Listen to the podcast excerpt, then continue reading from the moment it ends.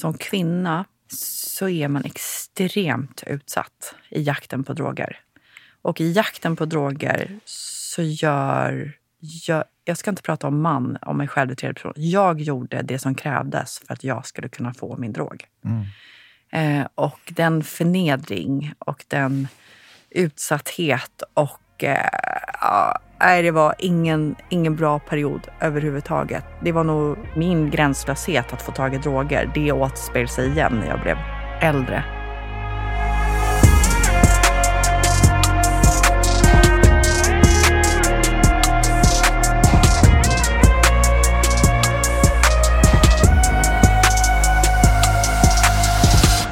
Det är onsdag igen och det är ju favoritdagen i veckan och ni vet varför. För att vi sitter här igen i våra gröna favoritfåtöljer på Östermalm i Stockholm och myser. Det är Hedén med Boman och Granander, en beroendepodd. Mitt namn är Nemo Hedén och eh, vi gör den här podden för att försöka krossa tabun kring beroende och medberoende. Vi gör den för att försöka sprida kunskap kring dessa skam och skuldbelagda sjukdomstillstånd och vi gör den för att försöka hjälpa människor. Det finns ju så mycket fördomar och missförstånd och förutfattade meningar kring eh, allt det här och vi försöker reda ut allt det här i den här podden. Ja, bidra till stacken på det sätt som vi kan. Och Eh, ja, ni är många som lyssnar och det är så himla fint att den här podden verkar göra skillnad för människor. Det var liksom det som var syftet med att starta den, så det gör oss jätte, jätteglada. Vill ni önska gäster till podden eller teman eller vad som helst, då kan ni skriva till oss på antingen Instagram, där heter vi Hedén Boman Granander i ett ord, eller mejla mig på gmail.com. Och idag har vi en spännande gäst med oss. Hon har en lång, lång historia och en lång, lång nykterhet bakom sig. Och idag så är hon till och med kommunalråd i Uppsala för Liberalerna om jag är helt rätt ute. Och eh, ja, ni hör ju själva, det, det finns en historia här att berätta. Säg varmt välkommen till Jenny Claesson. Stort tack! Vad glad jag är att jag får vara här. Vi är glada att du är här. Tack! Ja. Hur mår du? Jag mår jättebra. Mm. Eh, man kan ju inte annat när man kommer in i de här fantastiska lokalerna och får träffa dig och all den energin. Ja, jag mår jättebra. Ja, nej, men det är väldigt mysiga lokaler här. Ja. Ja. Super. Ja, men, och vi är så glada att du är här för att vi fick ju tips om dig. Alltså jag, jag, jag skrev ett inlägg på poddens Instagram och eh, bad eh, lyssnarna att önska gäster. Då var det folk som önskade dig. Va? Mm, det är helt sant. Det känns, visste inte jag. Hur känns det? ja, men det är, eh, jag, är sån, jag blir så känslomässig. Ja, men det är jätteroligt. Jätteroligt. Mm. Vad glad jag blir. Ja, ja, jag ville inte säga det när jag skrev till dig. Jag ville spara det till eh, liksom podden för att se din naturliga reaktion här. Du ser glad ut på riktigt. Ja. ja. ja. Eh, vi ska ta en eh, lång, lång walk down memory lane. Mm. Prata om din historia. Mm. Hur har du förhållit dig till eh, din historia eh, rent offentligt och så genom åren? Jag har inte varit hemlig, men jag har heller inte varit offentlig. Så ska jag säga. Om jag skulle ha fått frågan, kanske inte i min tidigare nykterhet. Då var jag väldigt mån om att jag vill vara anonym, jag vill inte att det ska liksom komma ut. Jag var rädd för att bli dömd, bedömd. Det finns mycket okunskap. Det är också väldigt, väldigt bra att ni startar och driver en podd där vi kan sprida eh, budskapet om att vi är också människor, fast med kanske ett annan bakgrund och mm. en sjukdom. Men nu idag när jag klev ut ur garderoben eller vad man ska eh, säga så, ja, jag vet inte, reaktionerna har ju varit absolut 99 procent positiva. Sen är det ju alltid människor som, som blir rädda eller agerar, reagerar på ett annat sätt. Men eh, för mig har det varit viktigt att arbeta och ge tillbaka utan att någon ska veta. Och jag, vet, jag kan inte riktigt förklara varför. Men... Nej, men jag förstår vad du menar och det finns ju absolut en aspekt i det där eh, som är viktig. Jag tror att mycket av det här i tolvstegsprogrammet och andlighet och allt sånt där handlar ju mycket om att man ska ge utan att liksom visa upp det och allt sånt där. Det är, det är ju egentligen då man kanske mår bra på riktigt i sig själv, mm. tänker jag. Men samtidigt så, den andra sidan av myntet, den andra aspekten i hela är ju det här att man vill ju också få ut det. Och då måste man ju synas och då får man ju Alltså, då får man ju cred oavsett om man inte vill det kanske. Mm. Så det finns olika sidor att se på det, men jag förstår helt vad du menar. För det, är liksom, det har jag fått, känt också genom åren, att när man gör bra saker utan att, att, visa upp det, det är då man liksom, det är då självkänslan växer på riktigt på något sätt. Så det, ja, jag kanske borde göra det lite mer, tänker ja. kanske, nej, men, kanske därför jag mår skit ibland. ja, nej, men jag, har ju också, jag har ju också tänkt att, för jag har ju liksom levt i relationer där personen har varit liksom helt öppen med sin story. Alltså det är ju knappt att mina egna barn har vetat om. Mm. Eh, ja, jo men mamma går på möten men inte mer med det liksom, ungefär. Mm. Det har alltid varit eh, den andra vårdnadshavaren eller liksom, ja jag vet inte. Jag har liksom varit, jag har stått bakom och stått tillbaka på något sätt. Gjort mm. min grej bara. Men nu klättrar du ju ändå på den politiska stegen här. Det går ju bra för dig och det är kul. Det är ju supergrattis till det. Att, Tack. Det går, att det går så bra. Men hur känns det då? Att, för det känns ju som att, nu vet jag väldigt lite om det politiska klimatet och hur, hur det funkar med pajkastning och sånt emellan er sinsemellan. Men att folk skulle kunna dra upp din historia och använda mot dig i situationer. Eller är det bara någon bild jag har? Alltså jag, jag har svårt att tro att det skulle vara något smaskigt att dra upp, eh, givet att det har gått så lång tid. Men när jag valde att gå ut, jag blev ju kontaktad, så när jag valde att tacka ja till att vara med i det reportaget i den chefstidningen så hade inte jag någon direkt tanke på att jag skulle bli nominerad och kandidera, alltså överhuvudtaget. Eh, det är klart att, eh, att partiet lokalt har velat att jag ska engagera mig mer. Ehm, men för mig var det mer avgörande att kan jag rädda ett liv? För jag var så rädd Nemo. Jag var så rädd. Eh, jag sov ingenting, jag hade ångest efter jag hade läst artikeln och också läst en artikel om mig själv. Det var så, det var så konstigt. Så nej, alltså inom politiken, det finns ju alltid pajkastning. Men jag hoppas, att, hoppas och tror att den här varelsen, valrörelsen kan bli lite mer konkret och att jag får tala om det jag tror på. Eh, jag är inte så intresserad av de andra. Det är ju liksom, jag kommer ju prata om det jag brinner för och det som är viktigt. Och för mig är det viktigt att min bakgrund ska inte avgöra min framtid. Punkt. Mm, mm, mm. Det är jätteviktigt. Klokt. Det är helt rätt. Eh, bra. Nu ska vi backa bandet lite.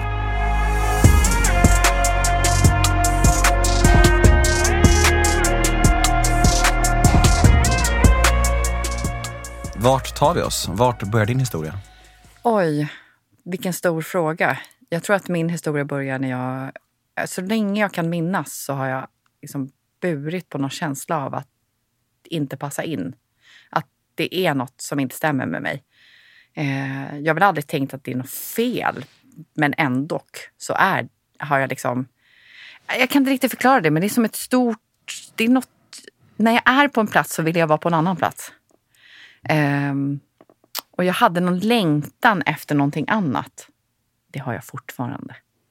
Men det är lite mer stilla idag jag agerar inte på det eller tar mig. Alltså jag kan stå kvar och stå ut. Men, och i ålder, jag vet inte. Så länge jag kan minnas. Jag minns när jag gick till skolan. Jag tror att jag gick i lågstadiet. Och så gick jag förbi hus och så såg jag in i fönstren och så var det någon som satt specifikt en familj som satt varje morgon och åt de frukost tillsammans när jag gick till skolan. Eller skolbussen.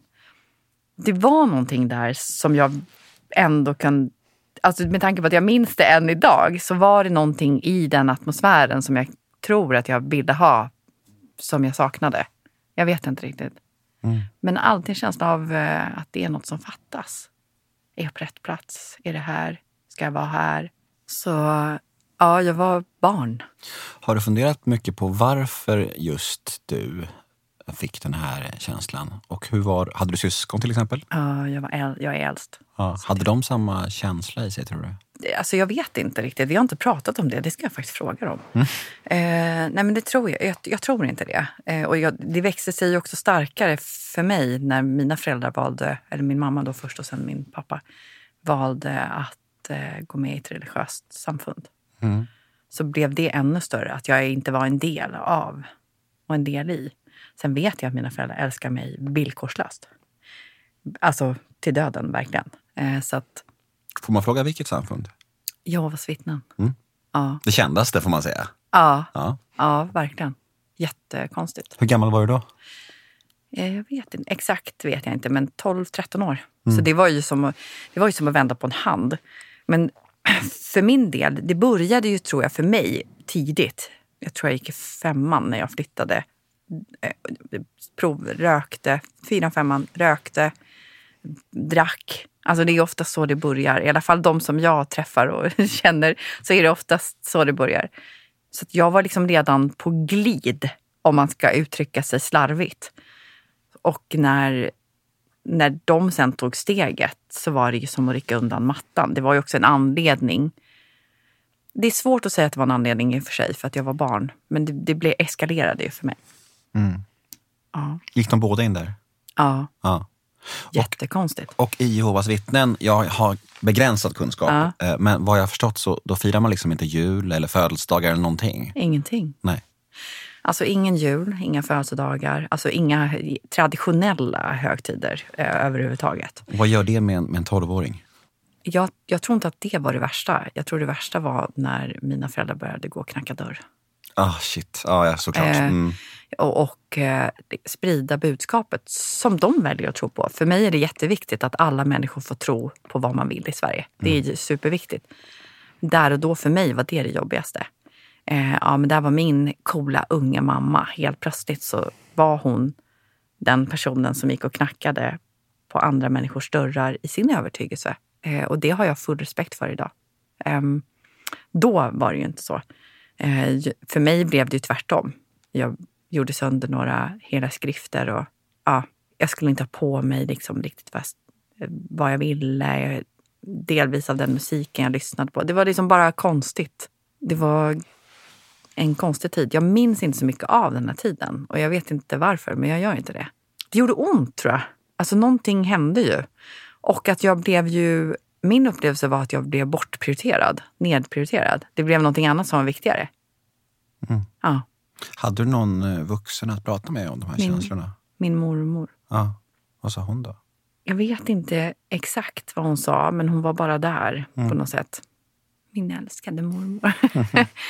men, men det var ju inte så att jag direkt... Jag berättade ju inte allt för mormor. Men eh, för henne, jag tror att det var en, eh, utmanande resa för henne också.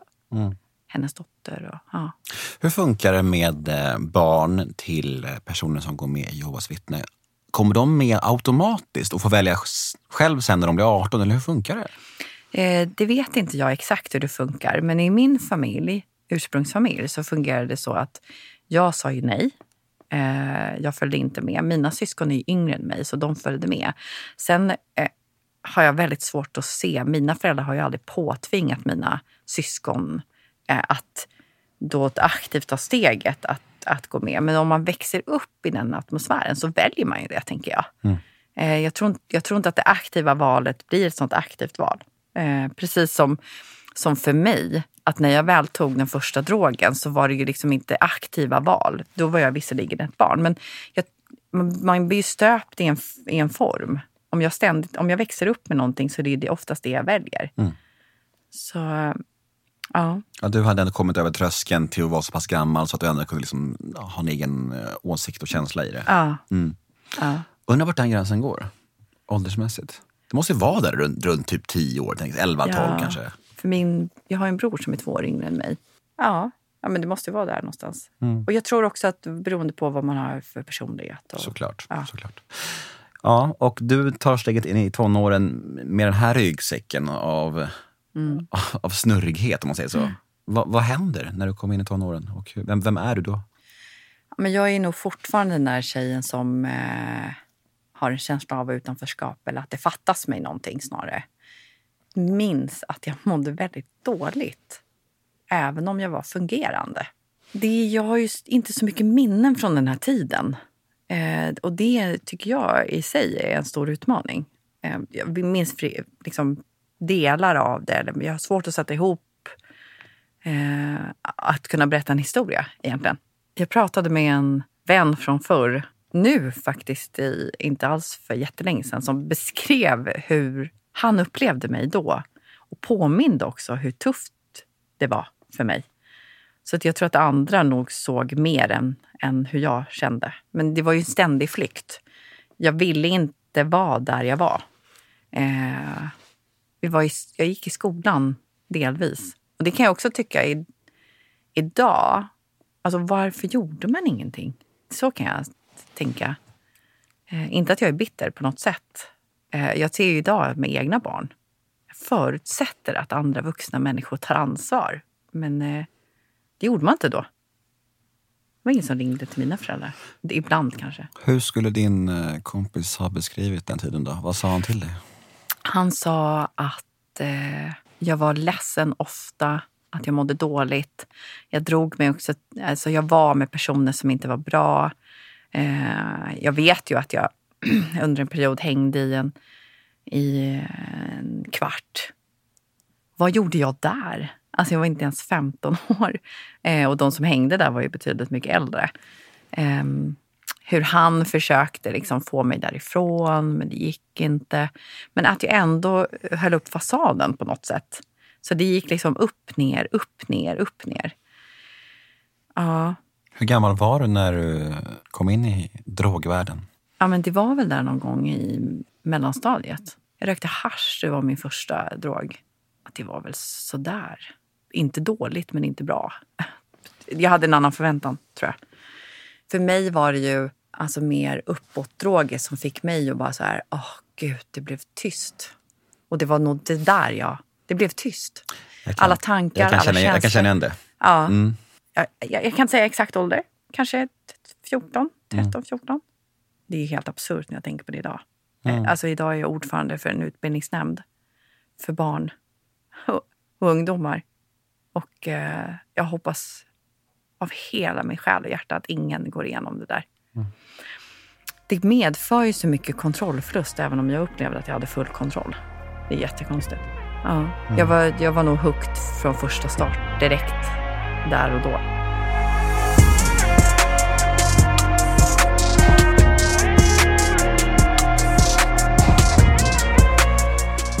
Så du är ungefär 14 år när du kliver in i de tyngre drogerna, ja. får man säga. Vad hände runt omkring dig? Eh, för att hade du ens nå, du hade din mormor, mm. men, men, dina föräldrar, såg de vad som höll på att hända med dig? Nej. Nej. Nej, det gjorde de inte. Jag, jag, jag tror, för jag, men jag var ganska hårt hållen. Så jag var ju ofta hemma i tid och var duktig. Sen smet jag ut. Mm. Jag tror att vi, min mamma någonstans misstänkte, och hon försökte ju mm. eh, ja, men ha mer kontroll. Det vill säga begränsa, begränsa mina utetider. Jag skulle hem. Eh, vi hade så här städdagar. Varje fredag skulle vi direkt hem efter skolan och städa. Jag skötte ju dem. Jag, jag, var lite rädd också, så att jag gjorde det. Det var viktigt. Och liksom, mm. Så att jag mådde så dåligt, nej, det kan, har de aldrig kunnat förstå. Det har jag också pratat med båda mina föräldrar om. Och, och det är ju någonting som jag kan bara föreställa mig känslan av att de, vad de går och bär på. Att inte ha sett. Och det är ju ofta så tror jag. Om man står så nära så vill man inte se. Men jag var så gränslös, Nemo. Jag var så gränslös. Och det var också någonting som han berättade för mig. Eh, och jag vet situationer där jag liksom tänker att jag borde inte vara här, jag borde inte göra det här. Hur kan jag liksom ens... Alltså nu är jag på botten, nu är jag på botten det, det, blev ju också att det gick, cirkulerade rykten och, då, och för att liksom leva upp till dem så var det liksom, ja, det, jag var så otroligt självdestruktiv. Herregud alltså. Vart tror du att den här gränslösheten kommer ifrån? Hitta någonting tror jag. Det fanns ju ingenting som hette integritet överhuvudtaget. Eh, sökande efter bekräftelse, att bli sedd, att bli lyssnad till, att vara någon. Alltså jag tror att det är en kombination av beroende och tonåring. Eh, vilsen. Mm. Eh, desperat egentligen av att liksom se mig, hör mig. Eh, men totalt oförmögen till att säga precis som det är. Ja, du berättar ju att eh, du ändå kunde hålla upp en viss slags fasad ja. för dina föräldrar. Ja. Att du kom i tider till, till middagen och sånt. Liksom. Eh, hur länge kunde du hålla upp den fasaden? Jag flyttade ju ganska tidigt. När då? Eh, jag började gymnasiet uppe i Norrland. Det var ju också ett sätt att... Jag ser verkligen bilden. Jag har ett foto där jag sitter på tågperrongen och rakat av mig håret och liksom sitter där. Och om man tittar i blicken så är det bara tomt. Eh, och jag tänkte att om jag flyttar så kommer det bli bra. Alltså det var min totala övertygelse där och då. Um, ja, men jag började gymnasiet. Det blev bara fel. Så jag hoppade av gymnasiet och jobbade lite extra. Och jag var fortfarande väldigt destruktiv i mitt sätt att vara. Ja, det var ingen bra period i livet. Varför funkar inte skolan tror du? Ja, men jag, jag hade sökt gymnasium, som man gjorde eh, och gör idag också. Eh, och jag skulle gå mode och kläder, hette Mm. programmet. Mm. Ja, så kom jag dit och så visade det sig att jag skulle sy. Oh no. Det var inte min grej. Eh, och jag var också för rastlös. Det var, nej, det var bara fel. Och jag behövde göra någonting annat. Eh, och framförallt så tror jag att jag ville bort. Jag ville inte vara kvar i staden jag växte upp i. Jag ville bort. Jag, faktum var att jag var, liksom, var ju i princip aldrig i skolan i nian. Och, och det är också jättekonstigt att man inte hörde av sig. Men jag hade extremt dåliga betyg. Och ehm, ja, jag hade inte så mycket att välja på när jag sen skulle söka till gymnasiet. De som var så duktiga, de sökte till en annan skola än den jag sökte till. Jag sökte, och så, ehm, ja, yrkesprogrammet. Mode och kläder, ja, hantverk, mode, jag minns inte. Ja. Men jag minns att jag skulle sy en skjorta med mönsterpassning. Och bara jag säger det högt.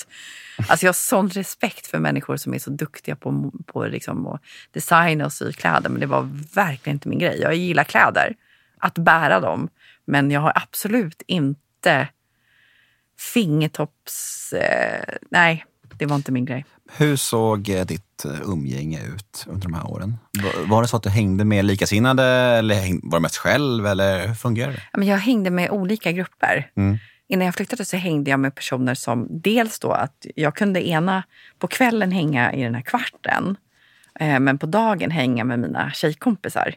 Så att jag, jag hade två olika, eller tre kanske, eller fler olika, när jag tänker efter, eh, olika liksom konstellationer som jag hängde med. Så det, det var inte liksom mina om jag då ska uttrycka så starka ord som mina bästa vänner, eh, de använde ju inte droger alls. Och de, ganska- visste, och de visste ingenting om att du gjorde det Nej, de visste väl att jag kanske drack lite för mycket eller tog någonting ibland. så. Men inte att det var så där illa. Det var några som visste, som kom till den här eh, kvarten. Eh, men, eh, och sen var det i andra sidan, alltså där jag köpte mina droger. Och, ja.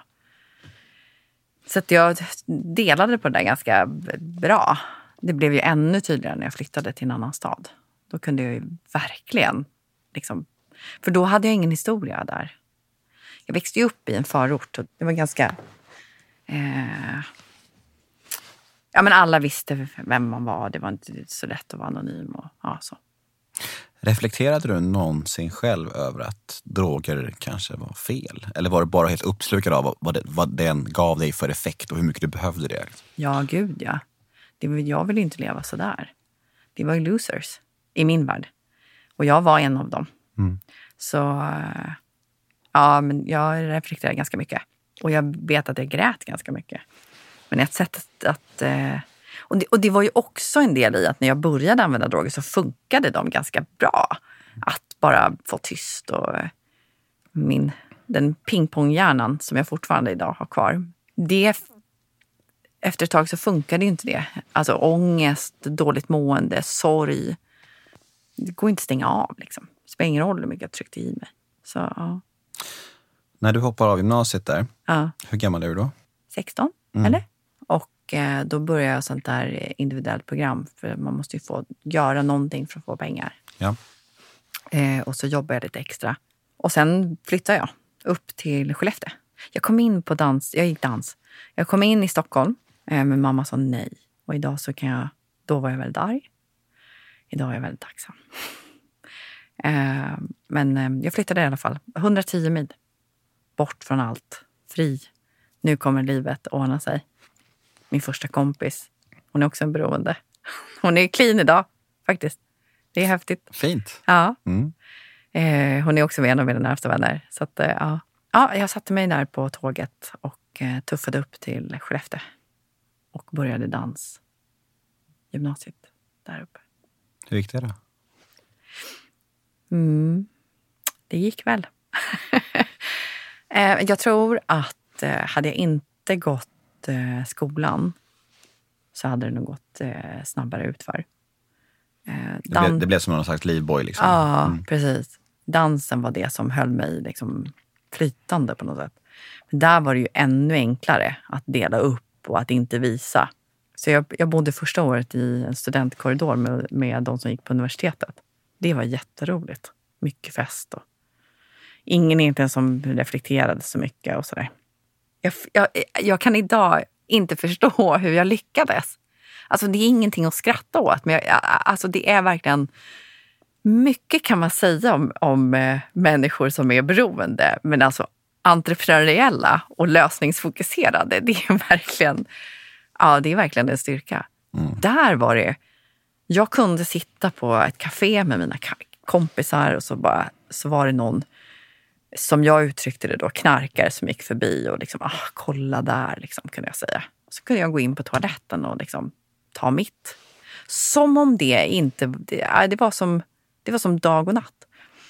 Eh, det var ingen som misstänkte något. Jag, jag, jag vet, det, det, är klart att det, det, var folk som visste. Eh, men inte att det var så eh, illa även här. Det var väl på slutet när jag liksom tappade lite. Jag kunde inte riktigt hålla i och hålla ut. Eh, men det är så hemskt. Alltså det, är ju, det är en del av mig som jag har fått jobba med jättemycket. Att jag var en av dem som dömde människor som mig själv. Alltså mm. det är fruktansvärt. Ja, men det blir väl som empatilöst. Ja, jo, men jag tror ändå att det är någon slags försvarsmekanism såklart. Ja. För att man känner skulden och skammen så djupt i sig själv så man ja. måste liksom bara så här, öff, öff, skydda sig själv. Liksom. Ja. Eh, men det är klart att det är knäppt också. Ja. Såklart. Men, men, men hur lång var utbildningen eh, dans? Var den tre år? Eller? Tre år. Mm. Och den tog du ändå dig igenom? Ja, mm. precis. Mm. Jag gick där i tre år och eh, mitt, min plan var ju sen att jag skulle direkt till Stockholm kunde vem kan bo i Norrland? Det var lite så också. Eh, jag som inte är så fördomsfull, no shit. Men jag bodde där. Det gick just ut för alltså där i Skellefteå. För jag var... Jag träffade en person som jag blev väldigt, väldigt kär i. Och det... Någonstans där så skärpte jag till mig på något sätt. Jag berättade ju inte för den här människan vad jag höll på med. Han kunde väl tycka att det var lite konstigt för att jag hade liksom mycket mediciner hemma och så. Det var ju också ett sätt för mig att liksom hålla mig flytande. Det var ju att, att gå till läkare och få eh, droger utskrivna. Typ benzo och sånt? Ja. Mm, mm. Jag vet inte hur många flaskor Coglana jag har haft. Liksom. Det är helt galet. Alltså, när man tänker efter. Alltså, det är helt, det är helt, konstig medicin att ha hemma mycket av. Ständig hosta liksom. Ja, men Verkligen. Gud. Ja, förlåt, man ska inte skratta åt det. Men, jo, jag, men kan, måste jag, kunna jag göra. kan liksom idag bara så här, hur är det ens möjligt att få så mycket utskrivet? Nej, som det... minderårig dessutom. Det är jätte... Jag var 17, 18, 18 i och för sig fyllde jag där uppe. Men alltså det är jättekonstigt. Det står faktiskt till och med i våra texter på de tolvstegsmöten jag går på. Så står det så här, vi måste kunna skratta åt vårt förflutna. så att det är väl det helt rätt tänker jag. Ja. ja. Ja, men alltså det är helt galet. Ja. Eh, och det, det vet jag att han reflekterade över. Men mm, ja, man blir ju extremt bra på att liksom undanhålla sanningar också. Ja, och så sen, sen, så är det också så här som du säger, det här med att man håller upp lite när man går in i en relation. Ja. Det är ju verkligen klassiskt. Ja. Att vi, vi som har den här sjukdomen, att vi liksom så här, skaffar vi ett nytt jobb, en ny partner, en ny bil, alltså någonting stort händer som man kan vara liksom lite high på. Då kan man hålla upp från sina huvudgrejer ganska länge. I, i, i, några månader vanligtvis brukar jag ligga på. Liksom. Och sen så när liksom det blir vardag igen och när det fejdas ut, då bara kommer andra smygandes tillbaka. Det är också så klassiskt. Liksom. ja, kul. Ja, nej men, och sen vi gjorde slut. Eller han gjorde slut med mig. Och jag förstår varför. Jag, liksom, det var ju bara katastrof att vara tillsammans med mig. Hur, hur... Det var för mycket hostmedicin. ja, ja, ja, det var, det var väldigt mycket hostmedicin. Eh, ja, nej, men, och, och jag, valde, jag skulle också flytta. Liksom. Jag hade ju... Kanske hade det varit sett annorlunda. Ibland kan jag tänka så här, ah, om jag hade gjort så, om jag hade gjort så. Men det, så är det ju inte. Det är inte så livet funkar. Men jag, jag, jag tappade ju lite och kom liksom till skolan abstinent. Och det var ju liksom... Ja, då reagerade mina lärare. Bara, Åh gud, hon, det är någonting fel på henne. Hur kunde det sig ta uttryck då? Oh, gud, jag mådde ju så dåligt. Alltså, det går inte att gå till skolan abstinent. Alltså svettningar och alltså, skakningar och fick inte tag i det jag behövde. Och, liksom. och jag vet också att min mamma i den här perioden kom upp för att jag ringde henne någon gång i någon av de här erorna och bara jag, jag mår jättedåligt. Det känns som jag ska dö. Du måste komma hit. Och eh, då gjorde hon det. Hon satte sig i bilen. Alltså direkt sätter hon sig i bilen och kör upp. Det, han måste ju ha varit mitt i natten. Oklart. Men det var, hon kom i alla fall. Så, och, och, så vi åkte liksom runt. Hon tog med sig mig. Åkte runt med mig och jag fick liksom prata och berätta för klassen att jag använde droger och så. För att jag inte, ja, så att alla skulle veta det på slutet. Men ja, jag vet inte. Det var väl... Hon har ett helt annat minne av det här än vad jag har. Och just att jag var tvungen att liksom dubbelkolla med dem jag gick i klassen med om, om jag bara helt minns fel. Men det gör jag inte. Så du berättar dina minnen nu? Exakt. Om hon skulle berätta det här, hur skulle hon berätta det då? Då skulle hon berätta det att jag ringde för att det var flera stycken som jag umgicks med som använde droger. Aha. Ja, och att jag var rädd för att jag hade provat. Och liksom, ja. det var jättemärkligt hur mekanismer fungerar egentligen. Mm. Eh, men hon åkte ju och så var jag igång igen. ja, vi åkte, alltså min, vi åkte runt till min släkt så att de skulle ha extra koll på mig. Ja, det gick ju, gick ju inte. Alltså det går ju inte liksom att tvinga någon på det sättet. Eller det gick inte att tvinga mig i alla fall. Ehm, och sen eh, så var jag så fast besluten att jag bara direkt efter studenten... Jag tog studenten men jag har ingen studentexamen. Flyttade, skulle flytta till Stockholm. Så jag skaffade mig ett jobb när jag bodde i Skellefteå. Och på den tiden så fick man något som heter flyttbidrag. Hör och häpna. De flyttade alla mina saker. Staten finansierade detta. Och jag fick 10 000 kronor i flyttbidrag. Det var ju som heaven för mig. Ja, så att eh, mm, till Stockholm och så började jag jobba som telefonförsäljare. Och då, det var ju, det var som att öppna liksom ett lock. Det var bara, jag bara föll. Snabbt gick det, jättefort.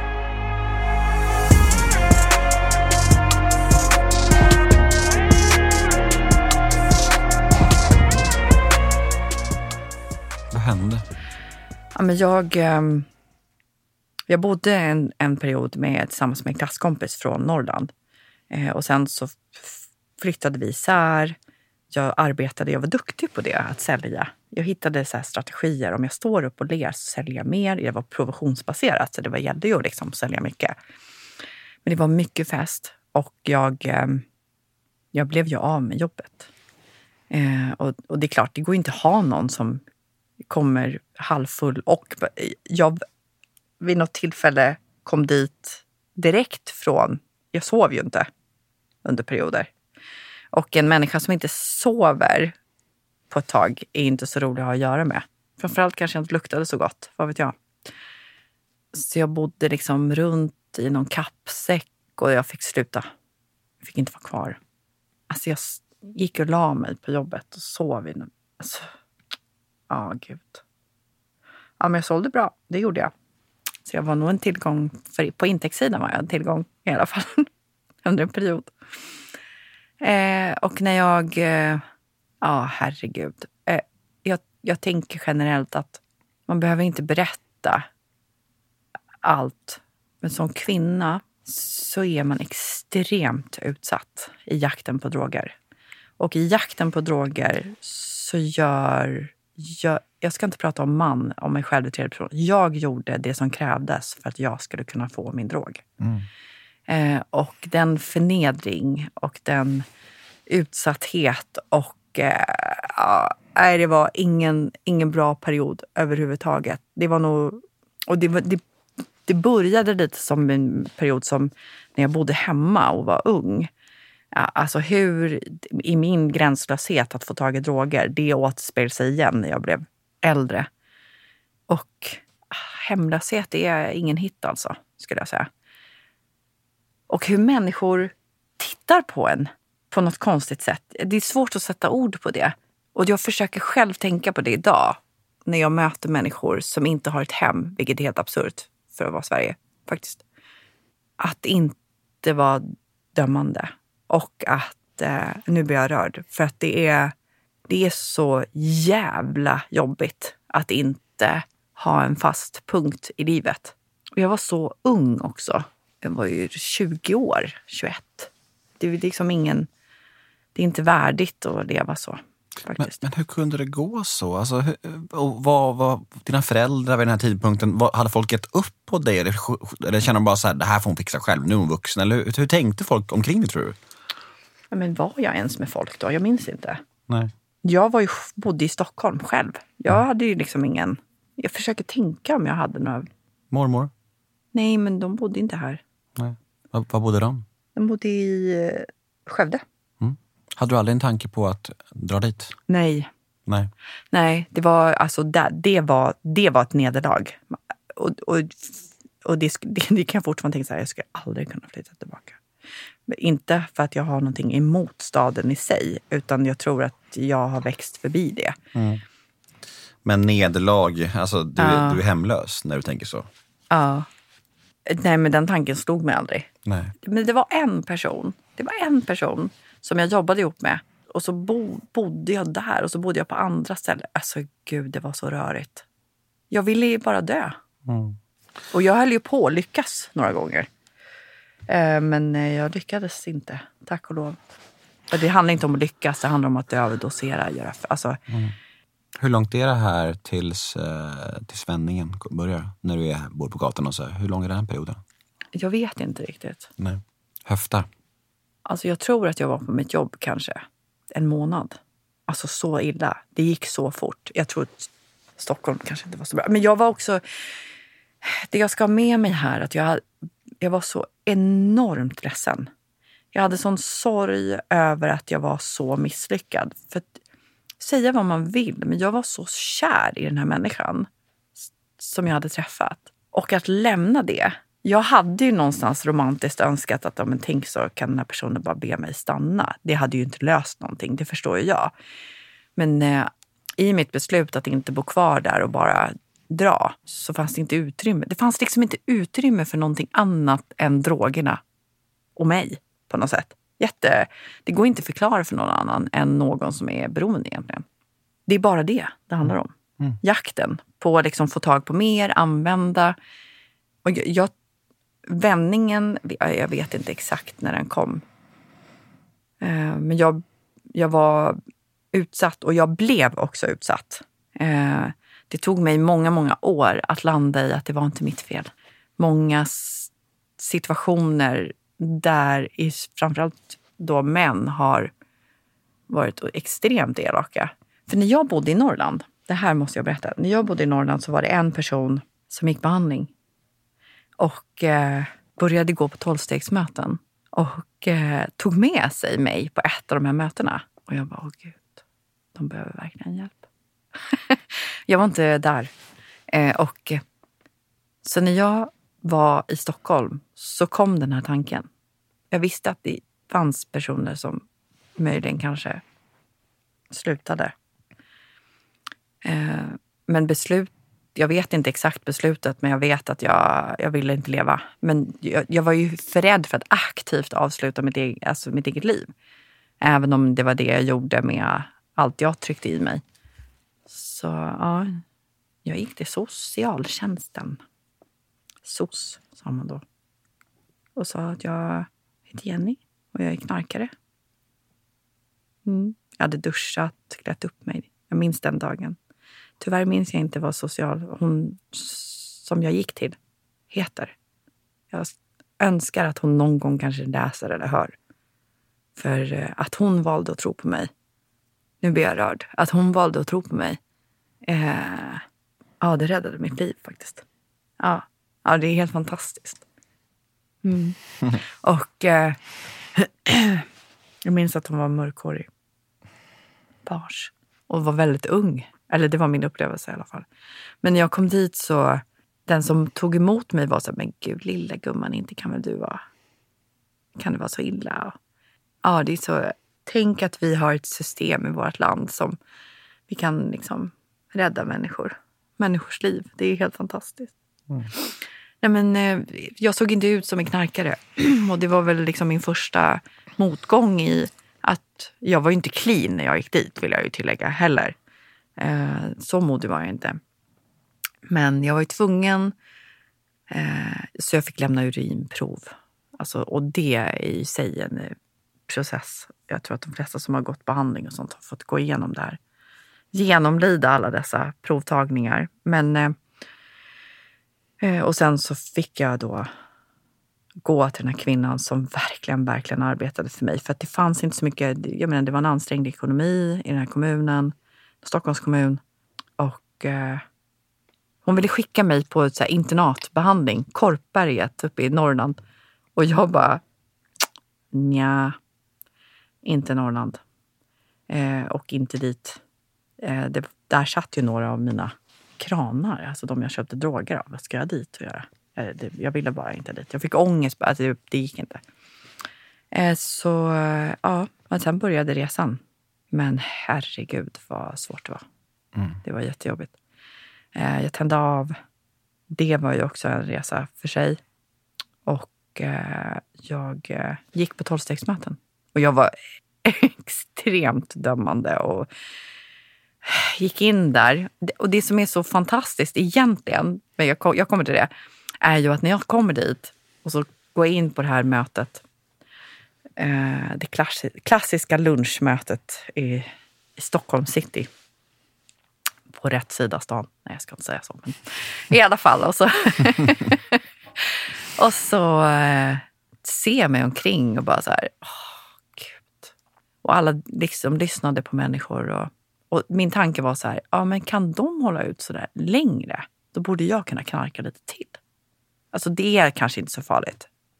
Det, var ju, det är ju liksom de tankarna som eh, de flesta, även jag, gick med. Nej, men ah, jag kan ta lite till. Det går, nu, nu har jag varit clean i två veckor. Nu kan jag liksom prova. Eh, jag är tacksam över att jag inte gjorde det. Men i de här rummen så träffade jag några kvinnor som är i min egen ålder. Vid ett spann på tio år. De kvinnorna finns med mig idag, fortfarande. Mm. Så vi, eh, ja det är mina systrar. Ja, vi har, vi har växt upp i drogfrihet tillsammans. Och det är coolt. Tyvärr är det många som har gått bort under den här tiden. Men de, de har valt att stanna kvar. Ja. Mm, det där är otroligt. Alltså. Alltså, de, det är så coolt. De där som man kommer in samtidigt som mm. och de där som var viktiga stöttepelare när man kommer in, de är ju liksom, de är bara som ett frimärke på en liksom, och sitter där och kommer alltid sitta så nära mm. en. Och man har det här liksom bandet som är, det går liksom inte att hitta någon annanstans i livet med någon. Mm. Knappt med familj. Alltså det är så mm. starkt. Mm. Att man liksom eh, ja, undkommit en katastrof tillsammans. Ja. Som det står i stora boken. Skuldra vid skuldra har vi tagit ut, ut i friheten. Liksom. Mm. Så det, jag, jag hör vad du säger, otroligt. Mm. Ha, men eh, höll du dig från start där? Eh, ja, eh, jag fattade ett beslut. Det står ju också att eh, vi ska bli produktiva medlemmar i det här samhället. Eh, men jag fattade ett beslut att jag skulle ge det här en ärlig chans. En. Sen fick det vara bra, men en. eh, och, eh, men jag hade så mycket. Jag var så harmsen, jag var så arg, jag var så ledsen. Kontentan var att jag var så jävla rädd. Och jag hade alla olika förbehåll. Om det hände så skulle jag. Om det hände så kan jag. Eh, jag gick på möten eh, flera gånger om dagen. Eh, och jag började en, jag vet, dagbehandling. Alltså jag gick i behandling på dagarna och så Eh, och sen så träffade jag en man när jag hade varit drogfri i 30 dagar kanske eller någonting mm. sånt. Perfekt. Perfekt. Jajamän. Mm. Har du inte hört uttrycket byxorna på? Jo, jag vet det. Det, är också ett, det är ett uttryck. Det är ju ingenting egentligen som någon tolvstegs Nej, jag skojar, program jag skojar med det. Men jag kan, jag, jag, jag, det är ingenting jag rekommenderar. Att ha byxorna på? Eh, att, att gå in i en relation tidigt. I, ja. eh, men eh, faktum var att för mig så, eh, jag hade ingenstans att bo så det blev bra. Mm. Vi flyttade ihop. Jag var väldigt kära, vi gifte oss sen. Jag kanske ska förklara det bara kort, uh. kort just det här med uttrycket byxorna på och det här, varför det är en poäng med det. Mm. Eh, det. Syftet med det är ju att när man kliver in i ett tillfrisknande nykterhet så är man oftast otroligt skör, sårbar. Och att då gå in i en relation eller en fling med någon det blir en väldigt en onödig riskfaktor. För om det inte håller till exempel, eller om eh, partnern tar återfall eller vad som helst, så kan det absolut trigga en till att själv kliva ut. Det är det, man ska liksom försöka undvika sånt helst då. Det är ingen regel, det är bara tips. Liksom. Ja, Ja. Och, och, och, det, och det är ju så mycket i det där. Herre, alltså, jag, menar, jag, var, jag visste ju inte ens vem jag var. Hur kunde jag ens vara kär i någon annan? Det handlade ju mycket om liksom, den här mitt känslosvallet kring, kring den här fantastiska människan som han ändå var. Nej, men vi, vi flyttade ihop, vi förlovade oss. Det, här gick det undan alltså. Och vi gifte oss. Vi skilde oss sen, som vänner. Han tog återfall. Han lever inte idag. Och, och där någonstans så, ja jag vet inte. Jag, jag, jag tänker väl att, tänk så hade det varit annorlunda. Han hade varit drogfri några år när vi träffades. Men, och det visar på allvaret i den här sjukdomen att det är inte självklart utan det är liksom dagligt arbete. Även för mig som har lång tid. Det är inte så att jag vaknar varje morgon och tänker oj, oj, jag är en beroende. Men jag vaknar så, har, så är min första tanke ändå på någon konstig automatik. Tack. På något sätt. Relationer är svårt. Även om man har varit drogfri jättelänge så är relationer svårt. Det är Jo. jättesvårt. Jo tack. Alltså, det är ju... eh, Det var någon vis människa som sa det till mig eh, i, i programmet, en, en, en av mina närmsta kompisar i tolvstegsvärlden. Han, sa, han har drygt 15 år eh, nykter och drogfri. Och han sa det att just relationer, det är någonting som inte blir bättre. Det är det enda som inte blir bättre för oss med lång tid. Allt annat blir bättre. Men relation- relationer, det består att det är otroligt knepigt. Alltså det, är, det är svårt för folk i allmänhet, men för oss beroendemänniskor är det väldigt, väldigt svårt. Tyvärr. Ja. Ja, men det, och det är verkligen svårt. Det är supersvårt. Och, eh, det svåraste tycker jag är att liksom syna mig själv och mina egna beteenden. För det är mycket lättare att titta på någon annan, annans beteenden. Så ja, Ja, vi ska koppla in eh, mina kompisar från The House Rehab. De som jag har den här podden ihop med, Robert och Felix. Och vi ska svara på en lyssnarfråga och segmentet heter The House svarar.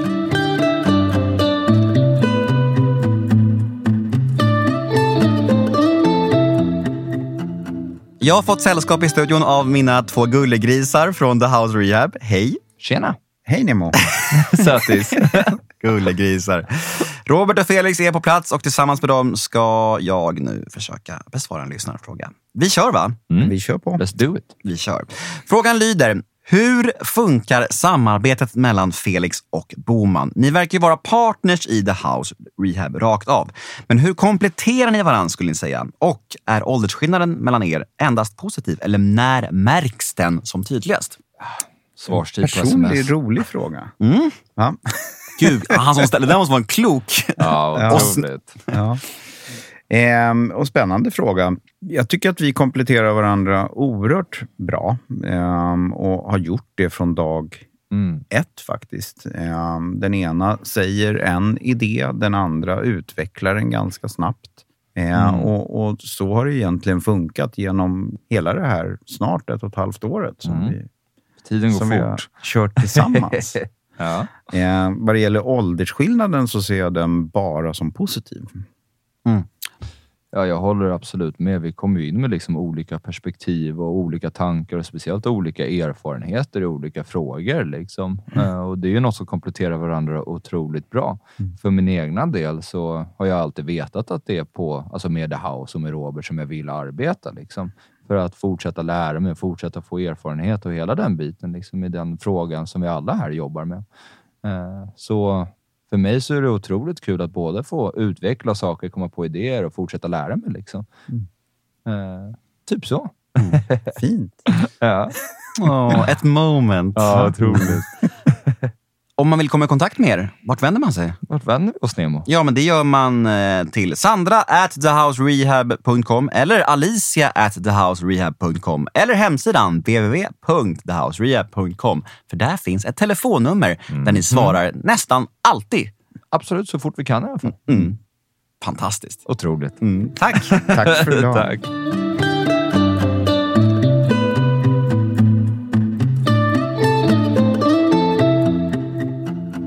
Tack Robert, tack Felix och tack du med din kloka lyssnarfråga. Hoppas du är nöjd med ditt svar. Jag sitter här eh, med fantastiska Jenny Claesson och vi har hört på din livshistoria. Och eh, jag skulle vilja prata en timme om ditt eh, liv i tillfrisknande också, men den tiden har vi inte. Så du får komma förbi igen helt enkelt. Mm. Men lite kortfattat kanske. Hur, du har varit nykter och drogfri länge nu, 20 år, sa vi det? Det är, det är mäktigt. Ja. Ja. Hur, hur ser eh, ditt liv i tillfrisknande ut? Är du aktiv i mötesgående och så fortfarande? Eller hur? ja, men det är jag. Eh, eh, och i perioder när jag inte har kunnat vara aktiv så har jag en sponsor. Mm. Eh, eller också då mina systrar. Mm. Jag skulle nog säga att det, i, i princip varje dag så pratar jag med någon i programmet. Alltså i tolvstegsprogrammet. Så att jag har den här dagliga check-in på något sätt. Mycket saker går ju på automatik. Men alltså faktum är att det liv jag lever idag är allt jag tyckte som jag inte ville ha tidigare. Eh, jag föraktade nästan det här inom situationstecken eh, Svenssonlivet och jag älskar det. Det är helt fantastiskt. Men det är inte sagt att det, det är, idag är lätt. Det är klart att jag, jag går omkring med någon sån här grundrädsla av att vara fel, göra fel, att inte passa in. Eh, men jag, har, jag är modig. Så jag, jag, tror att det, det jag har med mig idag är att jag vågar nog st- stå kvar och hålla i och hålla ut. Och det var ju någonting som jag inte var så bra på i början. Ehm, så att, eh, ja, tiden har givit mig tålamod. Och ja, jag går på möten. Eh, om inte ibland för min egen skull så för andras. Ja, jag eh, arbetar också med vad vi då säger de tolv stegen. Eh, Jag har gjort det. Jag har haft förmånen att göra det några varv. Jag har också haft annan typ av hjälp. Alltså, och jag tror att det stegarbetet gav mig också modet att vissa delar så är det lämpligare att jag gör utanför programmet. Det är min resa, det är min väg. Eh, att be om hjälp. Jag är inte ensam. Och det behöver jag ju fortfarande göra. För det finns saker jag inte klarar av själv och jag behöver bolla med andra och så. Alltså gud, jag har ett fantastiskt liv idag.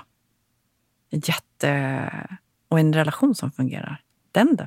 Den är häftig. Ja, men, men Jenny, du har varit eh, cl- clean 13 år längre än mig. Så att om 13 år kanske jag också har det, eller hur? Ja, nej, men, alltså, och, och, men jag tror att det handlar om också vad man går in med för... Jag, menar, jag levde ihop med mina barns pappa under många, många år och vi separerade. Så att jag menar, det kommer och går. Men jag är glad och tacksam över att jag vågar vara hela mig. Och jag tror att det är det. Jag vågar säga stopp när det är stopp. Jag vågar säga ja när jag vill. Eh, jag vågar uttrycka mina behov. Det, har, det är ju fortfarande väldigt svårt för mig. Och vilka är de? Eh, så att jag har jättemycket kvar att jobba med. Herregud. Men det är Ja. så intressant det där som du säger om att eh, man har blivit någon som man tidigare föraktade. Mm. För jag kan verkligen känna igen mig i det. Och, och jag skrev faktiskt en krönika när jag typ hade två år eh, i tillfrisknande alltså, som jag döpte till Töntarna hade rätt. det, var, det var ju så, exakt. Alltså, alla människor som jag hade tyckt var töntar, så här, det är de som bara, så här, de hade ju rätt. Och de som var mina idoler, de som jag såg upp till, de är ju typ döda nu. Eller, så här, eller, så här, det, förstår du vad jag menar? Ja. Det, det, är- det är ju så. Jag var så här, hm, töntarna hade rätt. Nu är jag en tönt och det är helt fine. Visst är det ganska coolt att vara lite töntig? Men ja, verkligen. Alltså. Ja. Och jag kan känna så här, jag, jag har levt det där livet, nu, nu får jag leva båda liven. Mm. Vilken grej. Ja. Och det är en styrka, tänker jag. Alltså i mina roller idag och, och det, det jag har gjort, för mitt sätt att ge tillbaka har ju varit min väg. Många, jag, alltså jag började också så här, utbilda mig till terapeut och jag skulle jobba inom behandling och så. Mm, mm, inte min grej. Eh, och det har ju mycket med mitt tålamod att göra, men också att jag är intresserad av andra saker. Och också våga stå upp för det. Nej, men jag tycker att det här, det här är mitt sätt att ge tillbaka. Och det är inte så att jag känner att jag måste ge tillbaka eller så, utan det har blivit mer en, en, en grej för mig. Att ja, men det känns bra. Ehm, så ja, jag, jag är en stolt tönt. Jag med. Alltså, det- det är underbart. Ja. Och det här var underbart. Det var Tack. jättefint att få hit, få hit dig och, och eh, det var verkligen ett, en häftig historia att få lyssna på. Jag är helt övertygad om att det har hjälpt jättemånga människor där ute och eh, ja, du är en stor förebild. Tack. Du är med. Ja, men tack. Vi Eh, alla är det. Ja men verkligen, vad fan. Och, och det, är- det är det vi försöker liksom få ut i den här podden. Och precis det som du sa, första reaktionen som du möttes av där på, på SOS, att någon liksom sa, ja men du kan ju inte vara en narkoman, du är en ung söt tjej. Liksom. Alltså det är exakt de där grejerna vi vill tvätta bort med den här podden.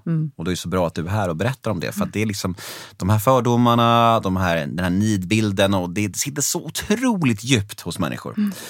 Och det enda vi kan göra är att försöka, försöka, liksom, ja, försöka bidra med, på det sättet som vi, vi kan här. Så det är viktigt att snacka om. Tack för att du kom hit. Stort tack för att jag fick komma hit. Och tack till alla er som lyssnar. Ni är fantastiska och jag är så tacksam att jag får göra den här podden. Hoppas ni är med oss igen nästa onsdag. Puss och kram och var rädda om er. Hej då.